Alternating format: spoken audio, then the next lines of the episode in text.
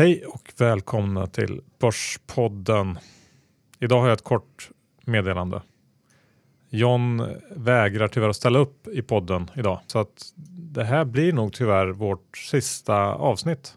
Nej, Johan, så kul ska du inte ha. Det ska inte vara en Lars eh, Frick-podd som sitter och pratar för sig själv i 25 minuter.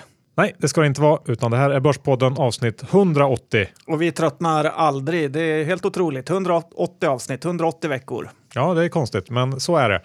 Inspelat, vad är det för datum idag? Första februari tror jag. Ja, ny månad, nya chanser, nya danser som eh, daytradern brukar säga. Så är det. Vi är sponsrade av DeGiro. Det är vi och eh, det är ju väldigt självklart att ha ett konto där. De blir bättre och bättre och nu är de en riktig utmanare på den svenska marknaden. Och eh, nästan varje vecka så får de nya rekordinloggningar. Giro.se. Härligt att det går bra. Vi är också sponsrade av Leo Vegas. Ja, Leo Vegas eh, växer verkligen för mig. Jag bettade lite igår på eh, Chelsea-Liverpool-matchen och det är väldigt intressant hur de ofta erbjuder dubbleringar av odds om man eh, vill vinna mindre än en tusing. Så att eh, väldigt, väldigt kul. Leovegas.com och de dubblar självklart din första insättning. Hur gick det för dig igår?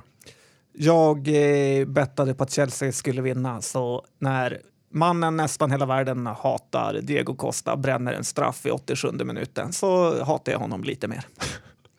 ja, så kan det vara. Idag blir det såklart eh, lite reflektioner kring förra veckans eh, resor som vi var ute och gjorde. Du var i Frankrike John och jag var i Italien. Men framförallt blir det ju massor av eh, rapportsnack. Ja, lite Sydeuropa special med rapporter. Mm, kan man säga. Nu kör vi igång. Johan Dr. Bass Isaksson. Index står i 1535 ungefär och eh, ingenting händer. Nej, vi harvar ju här mellan 1500 och 1550 ungefär. Och nu är det ju rapporterna som avgör. Vi har ju haft en del positiva reaktioner eh, här inledningsvis i rapportperioden, så vi får se om det här fortsätter och dra börsen vidare eller inte. Samtidigt har ju dollarn faktiskt varit ganska svag eh, sista månaden eller månaden, månaderna och det eh, tror jag också väger lite i, i den negativa eh, vågskålen för många bolag här på Stockholmsbörsen. Så att, eh, mm, vi får se när, när rapportdammet lägger sig vart vi tar vägen. Jag tror ju ner såklart, men eh, vi får se. Ja, kul att du inte ändrar dig. Eh, och mycket handlar också om Trump nu för tiden. Han uh, har hunnit göra ganska mycket på den korta tiden han har varit president. Uh, snabba beslut, ungefär som det hade sett ut om du hade din regering som du har pratat om tidigare. Din skuggregering John. Ja, men så är det Johan. Och eftersom jag har ju utsett min egen lilla government så tänkte jag ju faktiskt säga vilka beslut jag skulle fixa första veckan. För att eh, här skulle det gå fort. Ja, men jag är spänd på förare här. Ja, och eh, Trump har ju inte egentligen fått några ministrar för inga har blivit godkända av senaten än, så att han rattar ju det mesta själv. Och eh, det känns inte riktigt som han har lärt sig hur DC funkar än. Men så här skulle jag göra Johan. Och eh, första dagen så skulle jag stänga ner SVT och eh, Sveriges Radio. Det hade kanske orsakat lite förundringar när folk inte har något att titta på, men det kan inte fortsätta så här skulle jag säga. Att man inte riktigt vet vem avsändaren är, ja visst, det är svenska staten, men eh, det är alltid några personer bakom och vad det har för agenda vet man egentligen inte. Medier, tycker jag, de ska vara fria och inte ägda av staten. Och eh, att man eh, sen kanske inte kan se tv-serier som Skam utan reklam, det får man leva med, Johan. Även om jag aldrig någonsin skulle titta på den serien utan att scrolla igenom eh, den på en minut. Okej, okay, ja, mer då? Ja, eh, och vilka aktier tror du gynnas av det här beslutet? Ja, MTG kanske? Ja, det känns som en rätt eh, klar vinnare. Det vore rätt kul att se aktiekursen upp eh, första dagen. Börspodden är också en stor vinnare. Ja, kanske är som Trump, jag gör mycket egenintresse. Men det andra beslutet som skulle ske första veckan, det är ju att jag skulle stänga Systembolaget samma dag. Och eh, det här är ju ännu en vansinnig hundraårig idé vi har här i Sverige. Varför ska Gustav Fridolin bestämma när jag ska handla Sponken? Det är söndags eftermiddag och man behöver en flära rött till finmiddagen. Men tyvärr, här har staten bestämt och att eh, det värsta är att 10 miljoner svenskar finner sig i den här idén. Men inte när the real John Skogman bestämmer.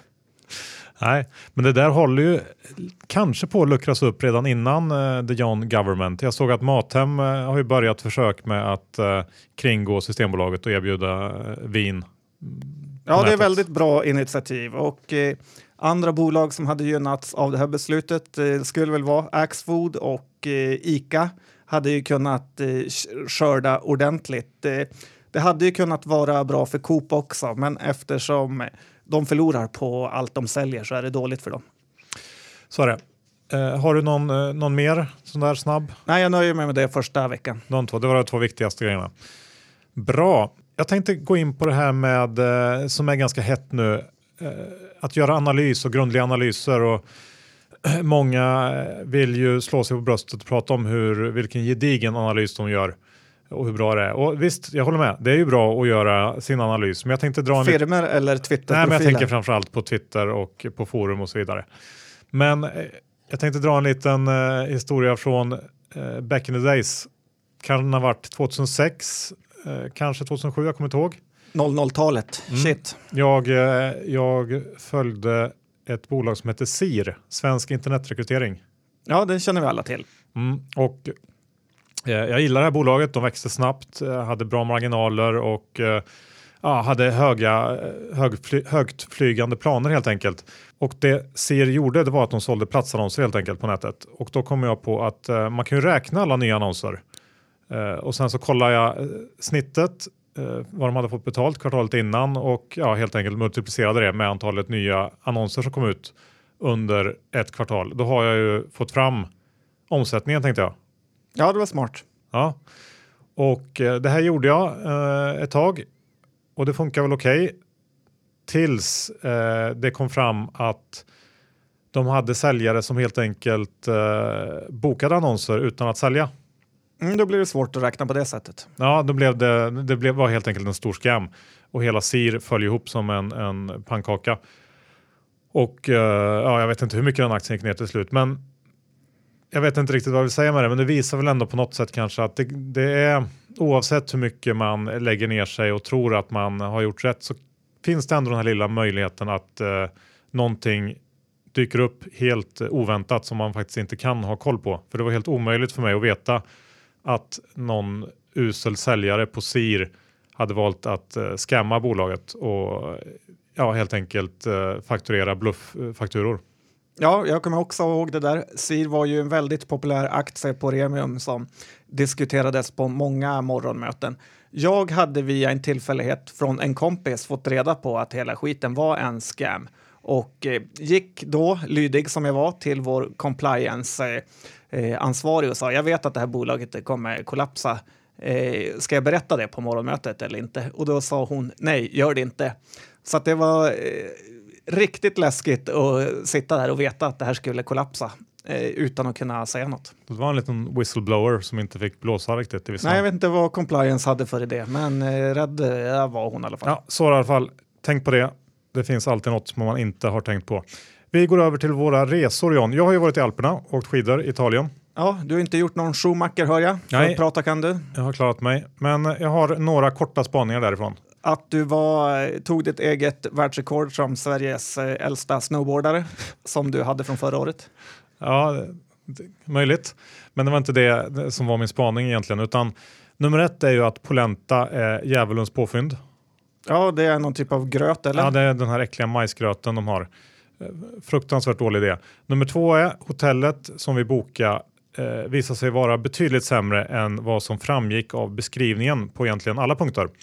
Och det här för ju en tillbaks till Charlie Munger och den här universalsanningen att låga förväntningar eh, eller kanske rättare sagt låga förväntningar relativt eh, vad man levererar är A och O i allt. Men min egentliga spaning är det här med Skistar och Alperna. De har ju en satsning i Sankt Johann tror jag orten heter. Och jag, bekant. Mm, och jag tror att man är faktiskt inne på helt rätt spår där. För det finns så mycket otroligt mycket att göra i Alperna när det gäller att eh, på något sätt konceptualisera skidorterna och skapa eh, liksom bättre, tydligare erbjudanden. Allt från skiduthyrning till skidskolor och alla möjliga kringtjänster som Skistar har, till exempel i Sälen. Um, att de har byggt McDonalds mitt i backen känns riktigt eh, real. Bättre än på Lenta i alla fall. Men, men, eh, det känns bara som att de ligger ett antal steg före eh, sina sydeuropeiska grannar här och uh, det, det, kanske finns någonting på riktigt i Skistars satsning här nere i Alperna för att uh, jag tror att man skulle kunna göra betydligt mer av många orter än vad, vad som görs. Ja, låter inte det sant? Jag gillar din andra spaning där med att eh, det såg bättre ut på bilderna än i verkligheten. Fick lite känsla av att det var första gången du reste med en sån spaning. ja. Eh, ska vi gå över till eh, Carmignac i Frankrike John, som du har hälsat på? Ja, jag åkte ner till Paris och lyssnade på den årliga dragningen om vad Carmignac tror om framtiden. Carmignac, eh, de finns ju inte riktigt i Sverige än. Det går nog för svinrika privatpersoner och institutioner att handla deras fonder, men för vanliga folket eh, så finns de inte riktigt än. Eh, och Carmignac är väl, vi har haft dem tidigare här som gäst i podden, men lite som Frankrikes Diner och Gerge, fast de är ju betydligt spekigare och större. Jag tror de har 600 miljarder under förvaltning. Eh, och som avslutning på de här konferenserna då, så hyr den här Eduardo Carmignac in ett band. Eh, han som äger Carmignac då såklart. Och i år var det Simply Red. Stort. Ja, kanske inte jättestekigt. Förra året var det Neil Young och eh, året innan det var det Rolling Stones. Eh, så att, jag vet inte om de är på nedåtgående trend eller vad det är. Men när den här spelningen är slut då, så går den här 70-åriga gubben upp på scen för att locka ut bandet igen. Och eh, sen sjunger han med i de här extra numren. Så att, eh, ja, det är kanske inte riktigt Henrik Didner om man eh, säger så. Nej, det låter inte riktigt så. Men, men vad hade de att, att berätta om då? Vad var deras outlook? Ja, kortfattat var väl deras take på marknaden ungefär så här. Kina, det ser eh, ganska bra ut nu. Någon gång kommer det att smälla där, men eh, det är fortfarande länge, tror de. Eh, kineserna är rätt nöjda med att Trump vann valet för att alternativet hade ju varit människokämpen Hillary och det hade varit betydligt jobbigare för dem. I och med Trump så kanske de blir av med lite grovindustri, till exempel stålverk och så. Men det gör inte så mycket för kineserna då det är just de här tunga industrin som verkligen har förorenat luften oändligt mycket i Kina. Eh, vissa dagar går det inte att landa med flygplan på kinesiska flygplatser för att det är så eh, förorenat. De enda som kan landa är ryska flygplan för att de eh, bryr sig inte om någon säkerhet eh, överhuvudtaget. Eh, de hade en kort position i Kinas valuta då de är rätt säkra på att någon gång kommer det här att eh, smälla. Lite Stockpix som de hade var Tencent, den som alla älskar, Kinas eh, Facebook.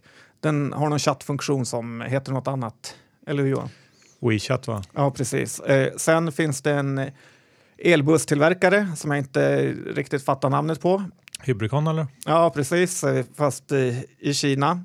Och sen Shanghai Airport var lite av deras toppicks. Ett eh, spännande bolag som eh, var betydligt mindre, som hon tog upp, den kinesiska förvaltaren, är ju ett eh, bolag som heter YY och det är YY. Eh, det här är någon typ av videostreamingtjänst eh, där man själv är artisten och eh, man kan sjunga, dansa eller utföra någonting eh, och sen kan då folk titta på en live när man gör det. Och när de som tittar då kan belöna en om de tycker det är bra så ger de bort en ros eller eh, något annat eh, som då kostar pengar och eh, i det här spelet då, eller vad man kan kalla det.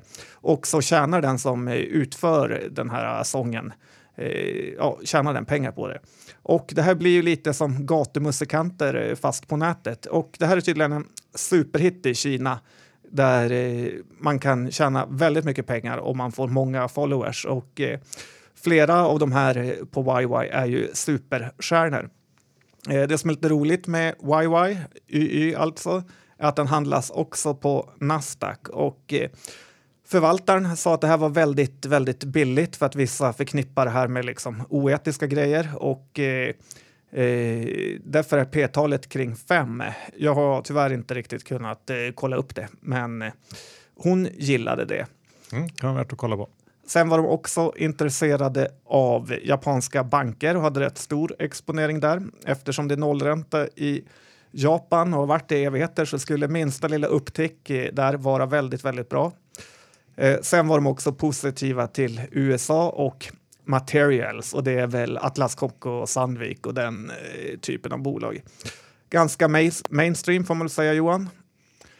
Ja, det låter det som på den delen i alla fall. Men det känns väl också som att eh, man kan, eh, den här trenden kan hålla i sig längre än man tror när så många just har vänt. Det var lite från Paris Johan. Ja, men tack. Bra. Ska vi avsluta första delen med eh, Lundberg som ju är lite i blåsväder kanske. Ja, Lundberg är ju numera misstänkt brottsling efter att ha mutat eh, Anders Borg. Och eh, det finns ju två vägar det här kan spela ut sig i media, tänker jag. Och det ena var att eh, tidningarna som har förgjort Sverker Martin Löv och Industrivärden-gänget skulle gå stenhårt på eh, Lundberg och Anders Borg för att visa sitt oberoende. Då det i efterhand känns väl ganska klart att eh, media varit ett, lite av ett, eh, en bricka i något maktspel eh, och har blivit manipulerade. Eh, den andra taken som jag tänkte kunde hända och det är den här som verkar ha hänt är ju att eh, tidningarna lite grann släpper det här och eh, låtsas som som det kanske inte har hänt. Eh, eh, jag tycker det var rätt lite uppmärksamhet. Eh, dock måste jag ju säga att jag skrattade extremt mycket i lördags när DI hade Anders Borg på löpet med ett orange Holmenband runt huvudet. En annan grej jag tänker på med det här, det är ju åklagarna, Johan. Tidigare så trodde i alla fall jag att åklagare var statens män. De var anonyma och ville tjäna rättvisan. Men ju mer jag satt mig in i det här så började jag tro att åklagarna är precis lika excentriska som näringslivstoppgubbarna. Förutom att de är liksom på andra sidan av laget. Förstår du hur jag tänker? Ja, jag förstår. Ungefär som i Billions. Ja, lite så. Åklagarna, eller åklagaren som nu attackerar Borg och kompani har ju i varenda intervju sagt eh, att deras jakt var, och det här är ett citat, lite väl yvig i kanterna. Och eh, allvarligt talat, eh, hur länge har han suttit och tänkt på hur han ska formulera sig? Och vad är yvigt egentligen, Johan? Berätta. Ja, det är, det är lite, lite sådär uh, vildvuxet och uh, ja, lite för mycket helt enkelt. Ja, det är finurligt sagt, men han har ju inte kommit på det just då, utan det här har han tänkt på. Och sen har ju EBM fått en ny posterboy och det är ju Jan Tibbling. Nästan varje dag är han ute i någon tidning med en ny profilering. Eh, det roliga är ju att han också finns på Twitter där jag sett hur han eh, retweetar artiklar om sig själv hela tiden. För någon dag sedan så retweetade han en stor artikel eh, om sig själv i realtid. Och eh, det kan ju tyckas lite märkligt då realtid ägs till stor del av Mats Kviberg och eh, en person som EBM eh, jagat i fem sex år. Eh, jag får känslan av att det är lite som Washington Post skulle börja retweeta Trumps eh, grejer, eller tvärtom. Vad vet jag?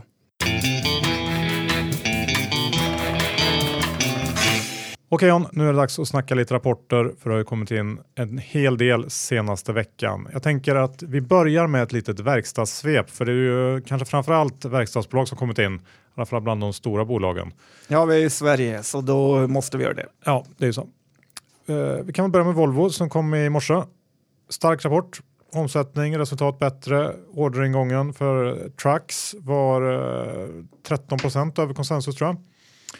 Eh, samtidigt så är outlooken hyfsat försiktig ändå eh, inom trucks och eh, inom VCE så, så höjer de eh, prognoserna ganska rejält. Och VCE är gruvmaskiner? Ja, det är det här construction equipment. Och eh, inom den delen så kom det också signaler om att man nog förbereder en avknoppning eh, där, vilket är positivt. Sånt gillar börsen. Men sammantaget om man tittar på den här rapporten så kan man nog räkna med att man kommer att höja prognoserna 5, kanske 10 procent ute bland bankernas analytiker. Och eh, själv så tror jag att det är ungefär eh, as good as it gets den här gången.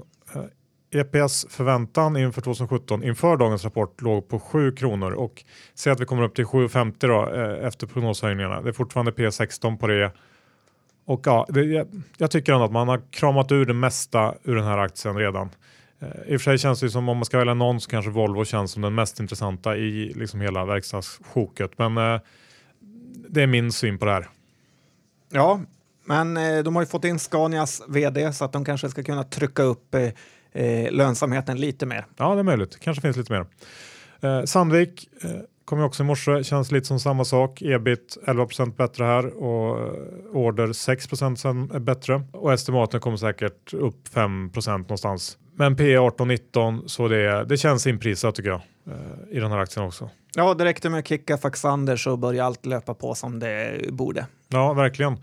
Och eh, Alfa Laval kom in igår går och blev eh, rejält belönade för den rapporten. Jag tror aktien stängde kan, runt 7 upp va? Ja, det var nog många avansianer och Nordnet-traders som fick den lite där de inte ville ha den. Jag var en av dem. Mm, ja, det, jag handlade inte heller den särskilt bra. Men det känns som en, en, lite av en lättnadsreaktion där. Det här är ju ett bolag som har haft år av, av kräftgång, framförallt inom olja gasdelen. Eh, och nu kunde man väl se ett litet trendskifte kanske och eh, då, då valde man att, att eh, skicka upp aktien rejält. Och samma sak här som de andra eh, verkstadsrapporterna. Rörelseresultatet och orderintaget var lite bättre och Alfa förväntar sig att efterfrågan under Q1 i år jämfört med eh, föregående kvartal, alltså Q4 förra året, kommer att vara något lägre. Eh, men det var faktiskt väntat så att eh, det var inga, inga nyheter. Man var också ute och sa att besparingarna från det här effektivitetsprogrammet som man kör eh, går lite bättre och blir lite större än väntat, eh, vilket är positivt. Och samma visa här när det gäller prognoserna, de kommer upp några procent. Eh, värderingen för innevarande år är lite högre för Alfa än Sandvik Volvo, runt P22 kanske. Men det kan man kanske rättfärdiga genom att säga att deras affär är lite mer sencyklisk eh, till sin karaktär så att det kan finnas eh, lite mer att hämta där och, att det går lite längre. Men man blir ju inte jätteköpsugen ändå, tycker jag. Nej, verkligen inte. Nej. Atlas kom väl eh, i slutet på förra veckan va? när jag var borta. Du handlar den kanske eller? Ja, det var ju en eh, klassisk eh, perfekt rapport för dig. Det var ju lite av kapitalförstöring och inte ha Sveriges bästa rapporttrader på plats när den kom. Men den var bra, rapporten, men det räckte inte ändå. Det är ju närmare P25 för Atlas, så att det är ju brutalt dyrt för de här gruvbolagen. Ja, och så såg jag också när jag kollade snabbt på den att det var, det var ganska stor del av eh, den positiva resultatavvikelsen i rapporten som ändå kom ifrån eh, valutamedvind. Vilket ju är skoj, men det är ju ändå inte samma sak som att det går, eh, det går riktigt bra rent operationellt. Och eh, jag tror att de bolag som har fått ta del av den här stora dollarförstärkningen som vi haft under senare år generellt har fått kanske lite för bra betalt för det och eh, tvärtom då för de som har, har haft det tufft med dollarn. Um, vi får se när, eh, om nu dollarn fortsätter att vara svag eller om det här bara är en, ett litet hack i kurvan och den ska fortsätta upp. Men, men jag tror att marknaden generellt sett har svårt att, eh, att bena ut de här grejerna och liksom bortse från att det här är, är egentligen valutasvängningar som, som ja, på lång sikt inte kommer att spela så stor roll. Och vi, vi kan väl sy ihop hela det här verkstadssegmentet eh, segmentet med eh, Trelle och Electrolux som också kom med rapport idag. Ja, ditt kära hatbolag Electrolux eh, kom in med sin rapport så den tog ju inte emot så väl. Eh, jag läste ett morgonbrev här, Erik Pensers var det, att det känns lite fel i cykeln att äga Electrolux nu. Det är stigande råvarupriser, det är valutor som svänger hejvilt och så är det ju så att ett bolag som Elux inte har någon typ av pricing power alls, utan en ugn är en ugn och eh, det går inte att ligga några tusenlappar högre än dina konkurrenter för då säljer du inte en enda utan eh, du måste hänga med konkurrenterna. Eh, Elux är inte jättedyrt. De höjer utdelningen ganska bra med. Så att det här kan ju vara att ha i den långsiktiga portföljen. Plocka in på dippar, för det känns som aktien svänger vilt, eh, men den kommer alltid tillbaka kring eh, de här nivåerna vi ser nu. Och sen hade vi Trelle Och det var väl lite av morgonens luring. Det var en dålig rapport, men utsikterna var väldigt fina och det är nästan den bästa tradesen som finns där ute. Och eh, kan man, vågar man ta den traden så, och tänka annorlunda mot marknaden så blir de oftast väldigt bra. Så var det med det Johan. Så var det med det. Härligt. Ska vi, när vi ändå är inne på storbolagen, beta av eh, ett av de största, H&M? Ja, det var väl det största tills eh, KJP gjorde det till det näst största. Ja, eh, så kan man se det. Nu eh, lyckades man faktiskt eh, för första gången på länge komma in med en rapport som var bättre än väntat här igår. De slog vinstestimaten med 6% ungefär eh, och det här var drivet av bättre marginaler än väntat. Både bruttomarginal och kostnader överraskade positivt mot prognoserna. Och det här var ju vi inne lite grann på, eller jag kanske, för några veckor sedan när vi pratade om att eh, marknaden inte riktigt verkar köpa KJPs snack om att eh, investeringarna kommer att minska och kostnaderna ska gå ner i relation till eh, intäkterna. Så att det, det, här var väl ett, ett första litet myrsteg i rätt riktning och det blir intressant att se om, om den utvecklingen fortsätter. Eh, I övrigt så var ju utdelningen en snackis, oförändrad utdelning. Konsensus var väl att den skulle sänkas lite grann. Eh, tredje året i rad man delar ut 9,75. Det här är ungefär 87 procent av vinsten så att eh, man ligger väl och delar ut ganska mycket ändå. Det stora också var väl att man delar upp eh, utdelningen i två delar, vilket jag såg eh, ledde till eldiga diskussioner på Twitter i värdecommunityt. Ja, men det är ju en jätte, jätte konstig idé att dela upp 2016 eh, års eh, ut, intjänade pengar till två gånger under 2017. I USA delar de ut pengarna kvartal efter kvartal och jag tycker det är lite girigt att hålla inne med pengarna så här länge så att fy skäms från mig.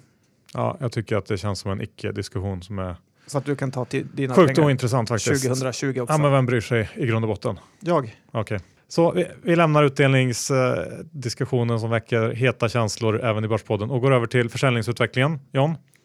Här var det också lite bättre. Eh, försäljningen upp 11% här så här långt i januari. Eh, prognosen låg på 10% för månaden som helhet, men Eh, man sa ju också att eh, det finns en negativ kalendereffekt på 2 procentenheter i slutet av månaden som gör då att man det blir ändå lite sämre. Men totalt sett så är det ju ändå positivt att man eh, kommer upp i nivå med, med förväntningarna och växer hyfsat bra ändå. Man ändrar ju också målet på, på försäljningen. Det här har vi också pratat om tidigare. Man ska växa med 10 till 15 procent per år i lokala valutor och tidigare hade man väl målsättningen att man skulle öka antalet butiker med 10-15 procent per år. Eh, bra val tycker jag att byta det för det känns ju ganska irrelevant där allt större del av försäljningen flyttas till nätet. Ja, känns lite 90-tal. Ja. I övrigt eh, ska man lansera lite nya varumärken och sådär under året men om man ska ta någonting negativt så var det det här med varulagret som växte med 28 procent eh, vilket var ganska mycket större än väntat. Ja, det kan man lugnt påstå. Ja. Ehm, men, men, om jag ska bara ta min totala sammanfattning av H&M så känns det ändå som att det ser ut som att man har haft sex år av marginalförsämringar nu och jag tycker ändå ser ut som att det här kan vara på väg att vända. Investeringstakten ska minska och givet att försäljningen eh, fortsätter att växa i alla fall okej okay takt så kommer det att driva marginalen. Och de förtydligar också lite grann sin syn på online och även hur online och butikerna ska samspela med olika typer av click and collect och, och, next day delivery som de kallar det och att man kan lämna tillbaks grejer i affären och sådär. Så som man vill att det ska vara. Det är kanske som utdelningen. Man köper, köper på nätet så får man det sju månader senare. Inte säker på att det är så de menar, men eh, jag tycker att det, var, det, det kändes bra. Eh, sen så köper jag att eh, man har en oro kring försäljningen i butikerna och så vidare. Att det, det är ja, någonting som har hänt där som är kanske lite mer strukturellt och som man får leva med. Men P 17, 18 och EV ebit 13 för innevarande år tycker jag ändå känns eh, okej okay, eh, relativt börsen i övrigt. Ja, jag har ju varit ganska hård mot eh, KJP och jag känner väl lite att han gör en Federer här och eh, kommer tillbaka när ingen trodde det var möjligt. Det är väl om det är någon gång man ska våga köpa lite H&M så får man väl chansa nu. det finns ju rätt eh, stora möjligheter att eh, kursen fortsätter och ett tror jag det kan bero på att pappa Persson kan börja monsterköpa aktier nu för att visa sitt eh, förtroende. Eh, förra gången han gjorde det här så gick aktien upp till nästan 300. Eh, jag ser det ganska troligt som att han gör en liten eh, inhopp här. Dessutom så har vi utdelningen som alltid är attraktiv och eh, investerare världen runt verkar ju alltid intresserade av att plocka upp H&M när man tror den är billig. Min kritik mot hur man sköter det här bolaget i stort har jag ju kvar, men eh, om man ska chansa med långpåse så är det nu. Tycker för övrigt att eh, fundamentalanalysbloggen eh, eh, Magnus Andersson har skrivit ett ganska intressant inlägg om H&M där. Det kan vi ta med vårt eh, veckobrev Johan. Det kan vi göra, absolut. Um, ska vi gå över och ta lite mindre bolag nu? Cloetta rapporterar idag. Ja, det gjorde de. Och eh, jag tycker att det kanske inte riktigt vill sig för Cloetta längre. Bolaget har stannat helt av. Eh, aktien står nästan alltid i 28, 29 eller 30 kronor. Eh, ibland jämför man Cloetta med till exempel Mondelez som är den här amerikanska jätten. Och jag tycker det är för generöst. För Mondelez, de har ju verkligen de här premiumprodukterna, typ eh, Toblerone och Marabou och allt möjligt. Och eh, där har vi inte kexchoklad och Ahlgrens bilar eh, riktigt. Eh, båda har ganska låg utdelning och eh, jag känner lite att Cloetta inte infriande det här löftet med att bli en utdelningsmaskin, även om jag kanske är lite för eh, kortsiktig eh, nu när de har sina problem i Italien med. Ja, men jag, jag håller väl lite med där faktiskt. Och det här med, med varumärken och kanske framförallt den här typen av varumärken är ju en ganska lokal eh, affär egentligen. För att eh, även om vi älskar kexchoklad så är nog kexchoklad, om vi tar det som exempel, ganska penetrationen av kexchoklad i Sverige är nog maxad kan man säga. Eh, det är, och samtidigt är det svårt att bara introducera kexchoklad i, eh, säg Spanien. Ja, jag skulle vilja säga den marknadsföringsbudgeten. Så att man får nog, det gäller ju att köpa, köpa sig eh, varumärken och det är dyrt. Så att, ja, jag, jag det är ju ett fint, det är fina varumärken och fint bolag men eh, det kanske inte ska gå så mycket mer än så här just nu. Nej, det är inte sexigt om vi säger så. Fingerprint då, är det sexigt? Ja, i alla fall om man gillar att vara svettig. Eh, de gjorde ett köp idag av någon typ av ögonsensor. Eh, det kostade nästan en miljard, men man får ju komma ihåg att de redan har ju slarvat bort en halv miljard för sina återköp de gjorde när aktien stod i 100 kronor.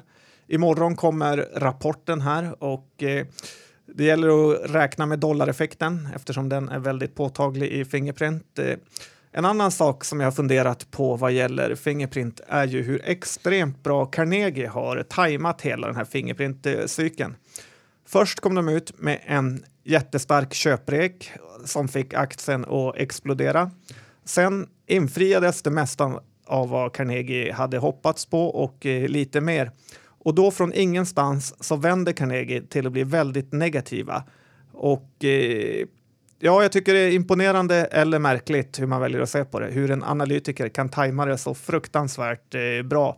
Eh, att kunna, när det går som allra bäst, kunna se vad som väntar runt hörnet, Johan. Är det inte dags nu att lägga ner det här analytikerföraktet som finns? Kan man inte bara liksom låta den här killen glädjas lite med honom och, och berömma honom att han faktiskt lyckades. Det behöver ju inte vara någonting skumt bakom. Du får ringa Crowhater och fråga. Ja. Vi lämnar det. Eh, Research gick ut med eh, omvänd vinstvarning igår kväll. Smög ut den. Eh, Kul för dem. Ja, och det här är ju faktiskt ett av de absolut finaste bolagen på börsen och dessutom så gör de ju någonting bra också för mänskligheten. Eh, kul att, att det går bra och man önskar ju att man hade hoppat på det här tåget någon gång under årens lopp, men det har man ju tyvärr inte gjort.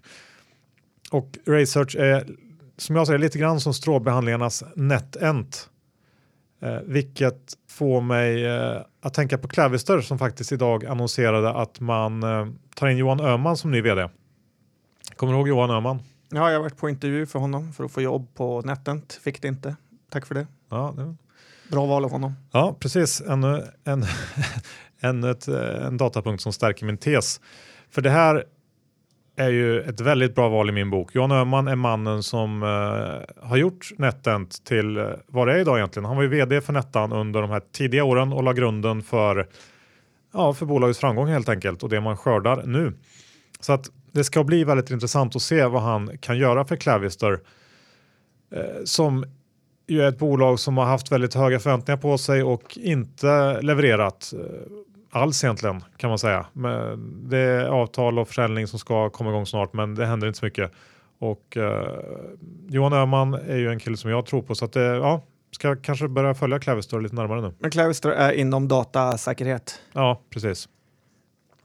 Ja, eh, vi går över till Byggmax. Byggmax, Johan. Det här var ju ett bolag som kom med en väldigt dålig rapport och eh, det känns som att Byggmax kan bli faktiskt ännu sämre. De har gjort bort sig brutalt genom att köpa skånska byggvaror alldeles, alldeles eh, för dyrt och det här är ju det som tynger Byggmax. Eh, det kan ju också visa sig att man kan behöva göra ordentliga nedskrivningar i det här förvärvet och det kommer ju såklart då ytterligare straffa aktien. Det värsta med hela det här är ju egentligen att vdn som gjorde det här jättedåliga köpet blev rekryterad till Ratos där han då ska leta efter bra affärer. Det måste ju vara, i alla fall initialt, känns det som, en av de sämre rekryteringarna. Det är lite Thomas Brolin till Crystal Palace-känsla får jag där Johan. Ja, det gick ju inte bra. Nej, det gick dåligt kan man ju lugnt eh, säga. Sen håller jag ju på att renovera lite själv nu och eh, har ju besökt en hel del byggvaruhus. Och jag får en känsla av att den här idén med byggvaruhus egentligen är ganska dålig. För att det är helt eh, otrolig konkurrens. Det är Bauhaus, det är K-Rauta, det är Excelbygg, det är Byggmax eh, med mera. Det finns hur många eh, sådana här eh, företag som helst. Och eh, dessutom måste ju kapitalbindningen vara enorm. Går man runt på Bauhaus så ser man ju att eh, det står ju saker på hyllorna för liksom en miljard eh, per butik. En, eh, det är lite typisk icke-Warren Buffett affärsidé det här. Det är möjligt att man kan squeeza de här leverantörerna med långa betalningstider samtidigt som man då tar direkt betalt av kunden och på så sätt eh, får lite cashflow. Men det måste ju ändå vara en hel del långliggare på de här hyllorna. Och, eh, jag köpte till exempel ett lim som helt hade torkat ut eh, inifrån på K-Rauta och eh, då Johan är inte lageromsättningshastigheten hög. Nej, det är den verkligen inte. Och bygg, då tänker man ju kanske lite grann på fastigheter och tänker man fastigheter tänker man ju kanske på preffar. Ja, kanske, kanske, eller så gör man inte det. Men Idag Johan ska jag presentera något som jag vet att du inte ens håller med om. Men vi, först ska vi gå in på preffarna och eh, här har det varit en väldigt eh, stor nedgång på många håll. Sagax D, den är nu nere på 27,50 eh, vilket eh, känns hyfsat attraktivt. Många andra eh, preferensaktier är ju också nere på de här nivåerna. Amasten, Klövern, Victoria Park eh, och eh, ja, Tycker man att det är intressant eh, så kan man kika lite på det. För det är ju ändå rätt stabil avkastning kring 7,5 procent när räntorna är eh, låga. Om börsen skulle börja gå ner så tror jag att man är väldigt glad över att man hade satt lite i preffar just nu.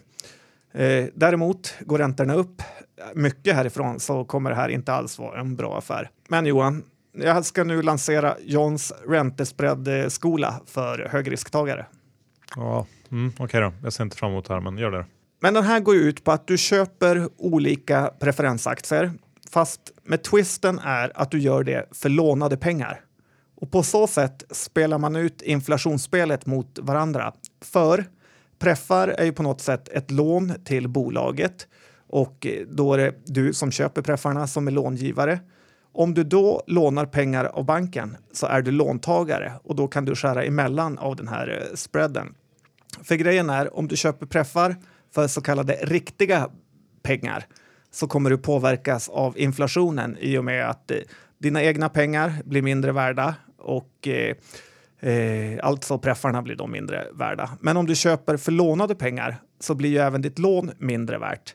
Och eh, den största faran med det här som jag kan se i det här spelet är att om inflationen ballar ur så räntorna stiger massor så kommer det här sluta i katastrof. Men om vi är i det nya Japan-scenariot eh, så kommer den här gameplanen att vara helt eh, genial. Man måste ju tänka på att eh, Sagaxpreffen, den har varit i, noterad nu i över tio år.